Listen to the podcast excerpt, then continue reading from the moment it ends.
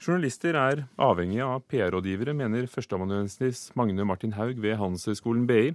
I dag la Institutt for samfunnsforskning frem en rapport som viser at det blir flere kommunikasjonsrådgivere, og at de får mer makt. Den danske TV-serien Borgen har latt seg inspirere av bransjens makt. Hva er det så for et spill som foregår her tre dager før valget? Det er en form for skakk, om du vil. Slutspillet i valgkampen det handler om å gjøre verden simpel enkel. Hold fast i to-tre hovedbudskaper, og så få din motstander til å ligne en idiot. Borgen har jo to hovedtemaer. og Det ene er jo hvordan du skal håndtere politiske problemer. Og det andre hovedtemaet er jo hvordan du skal håndtere det i forhold til mediene, i forhold til velgerne. Og det er jo en glimrende fremstilling av manøvrering i mediene for å få vinklet saken på en sånn måte at det gir oppslutning. Det sier Magne Martin Haug, førsteamanuensis ved Institutt for kommunikasjon, kultur og språk ved BI. I likhet med TV-serien Borgen spiller PR-rådgivere en stor rolle også i virkeligheten. For det første så skal de jo videreformidle informasjon om hva som virkelig har skjedd. Og der må de være uh, sannferdige. Si det som virkelig har foregått. Men de skal også vinkle det på en sånn måte at, at, offentligheten oppfatter det til fordel for oppdragsgiveren. I dag kom rapporten som viser at det blir flere kommunikasjonsrådgivere, og at de har mer makt. Nesten 90% av kommunikasjonsdirektørene sitter i toppledelsen. PR-bransjen ble født i USA sent på 1800-tallet. Gjennombruddet kom under første verdenskrig i USA. Daværende amerikanske presidenten Woodrow Wilson han gikk til valg i 1916 på at man ikke skulle gå inn i første verdenskrig. Og så ombestemte han seg.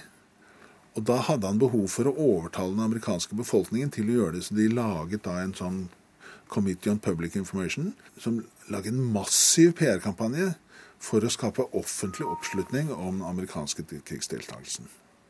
Og det var en så stor suksess, og det førte til utdannelsen av en masse eksperter på PR. I Norge har bransjen skifta navn flere ganger, for PR-bransjen har blitt sett på som en skitten bransje. Det var jo negativt fordi at eh, det er et veldig sterkt element av manipulasjon.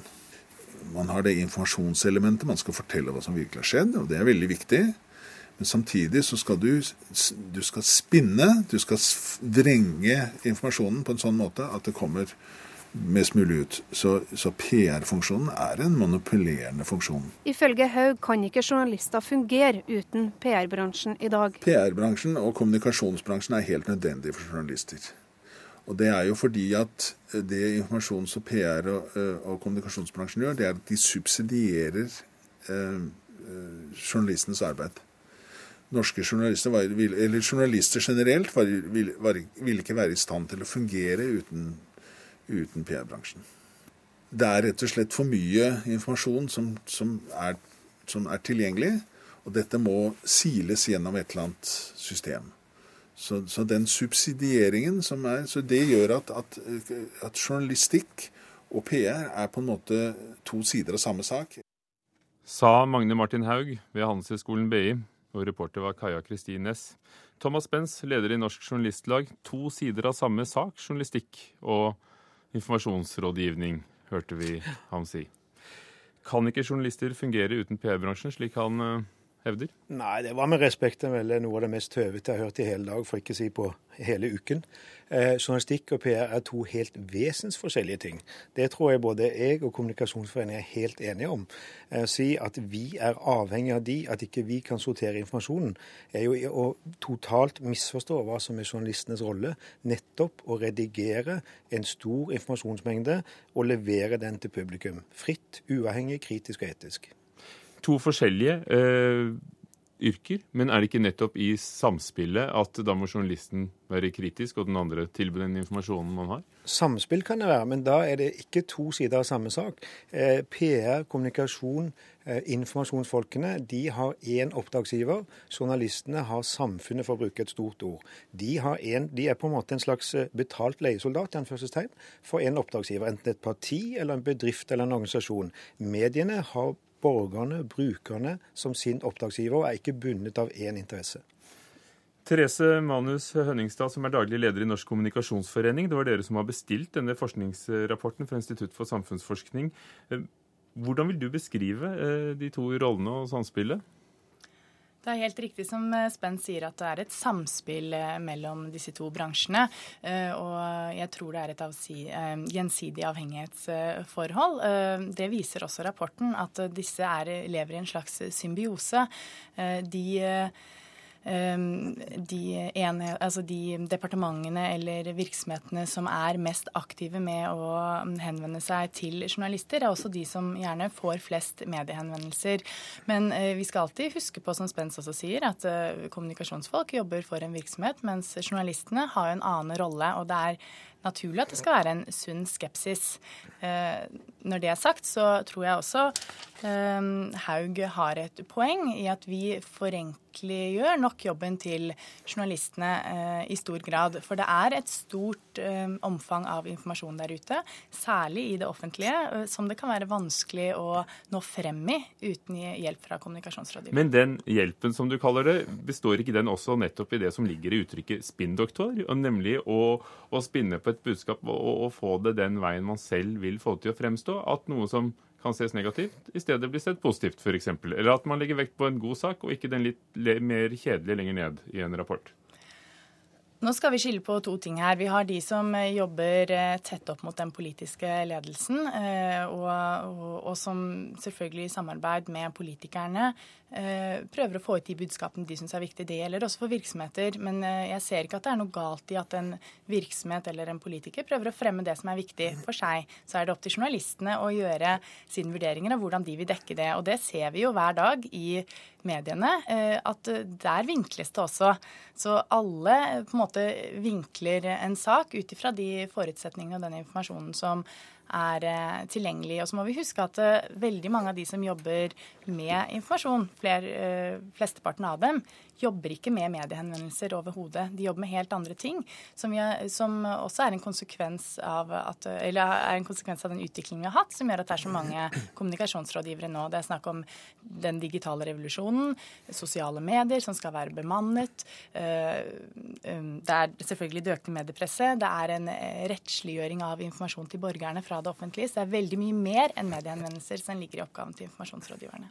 Og nettopp der, deg, Thomas Pes, når så mye informasjon nettopp ikke lenger nødvendigvis går via oss journalister, så er det vel desto viktigere da, at uh, du og NJs eh, medlemmer og de som måtte være journalister, griper fatt i budskapene som virksomheter serverer?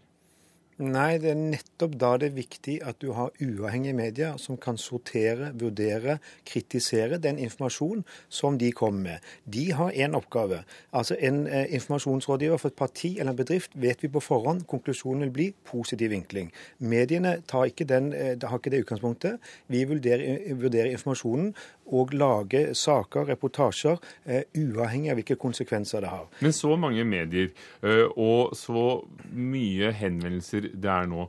Ser du for deg at vi kunne fungert uten et sånt profesjonalisert kommunikasjonsapparat som eh, både bedrifter og politikere holder seg med? Jeg forstår godt at eh, politikere, næringsliv og organisasjoner har behov for eh, informasjonsfolk. I et moderne mediesamfunn med veldig høyt tempo, så er det lett å forstå at når man har behov for å styre sin hverdag og være forberedt på intervjuer. Vi ønsker ikke å drive noe overraskelses- eller bakholdsjournalistikk. Og det er ikke den siden av virksomheten vi heller er kritisk til. Det vi er kritisk til, er den måten en del bruker den makten de har over tilgang på kildene, at de er portvakter til kilder, styrer informasjon til hvem skal få den, når de skal få den, om den i hele tatt skal gis ut. Det er, gis muligheter til å manipulere den offentlige dagsordenen, og det er en trussel mot den frie, åpne debatt. Det er de sidene vi reagerer på. Er det det som er den siden du ser av, av de, det som skjuler seg bak tallene, at det blir flere, at de får mer makt? Og opptil 89% sitter altså i ledelsen av selskaper, som det vises i denne undersøkelsen. Nei, altså jeg vil si at De aller fleste gjør helt sikkert en hederlig og god jobb hver eneste dag. Og journalister har mye kontakt med informasjonsfolk, og det går greit. Men det er gråsoner, og det er en del ukultur som enten skyldes eh, kommunikasjonsfolk som ikke helt forstår eller respekterer hva frie, uavhengige medier har for en rolle i et demokratisk samfunn. Eller de vet det, men likevel misbruker den mulighet de har til å fremstille eh, og pynte sin oppdragsgiver på en måte som er langt utover sannheten. Nå er det jo slik også at Journalister står helt fritt til å gå forbi kommunikasjonsfolk og direkte til kildene sine. Vi har tiltro til at journalister gjør en god jobb i Norge. Men Nei, det, nei, det må jeg få reagere på. fordi eh, Hvis det var slik, så hadde det ikke vært behov for informasjonsrådgivere. Både i offentlig for... og privat virksomhet så er det en veldig sentralisering hvor henvendelser til kilder må gå via informasjonskontor, og hvor man sjelden, eller iallfall sjeldnere enn før, får direkte tilgang til primærkilden, som kanskje kan mest om barnevern eller veier eller helse eller hva det måtte være, men det må gå via informasjonsfolk som først må informeres, og som så må gå tilbake oss og stille spørsmål. Det tar både tid, og man får mindre tilgang til kildene. Det det er et problem, men ikke det verste. Er det, er det et råd du vil gitt bedrifter, opptrådt altså, på denne måten som Stens opplever? Dette har mange årsaker. Altså F.eks. hvis man tar toppledere i Nav, Skattedirektoratet eller SAS. Hvis de skulle tatt alle mediehenvendelsene direkte selv, så ville de ikke hatt tid til å drive virksomheten. Og det er det vel heller ingen som ønsker, at man skal bruke all sin tid til å snakke med journalister hele dagen. For det er det som faktisk ville vært realiteten for mange av disse si topplederne. Men dette kommer vel an på, uh, på, den øverste ledelsen i et uh, firma? Veldig godt poeng.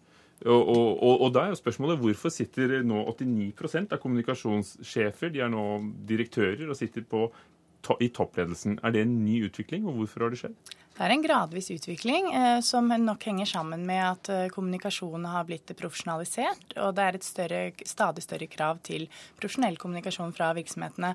Så jeg anser det som på lik linje med at eh, personaldirektører og økonomidirektører sitter i ledelsen. Altså En toppleder kan ikke ha detaljkunnskap om alt, og kommunikasjon er også blitt et fagfelt eh, som eh, det er nødvendig for, ha, for toppledelsen å ha i sin ledergruppe. Vil det ikke være en forskjell Thomas Benz, eh, på hva en offentlig etat, en offentlig virksomhet eh, skal kunne ha altså, profesjonell kommunikasjon, og en privat bedrift. Det står da private bedrifter helt fritt å, å fremstille seg selv som de vil.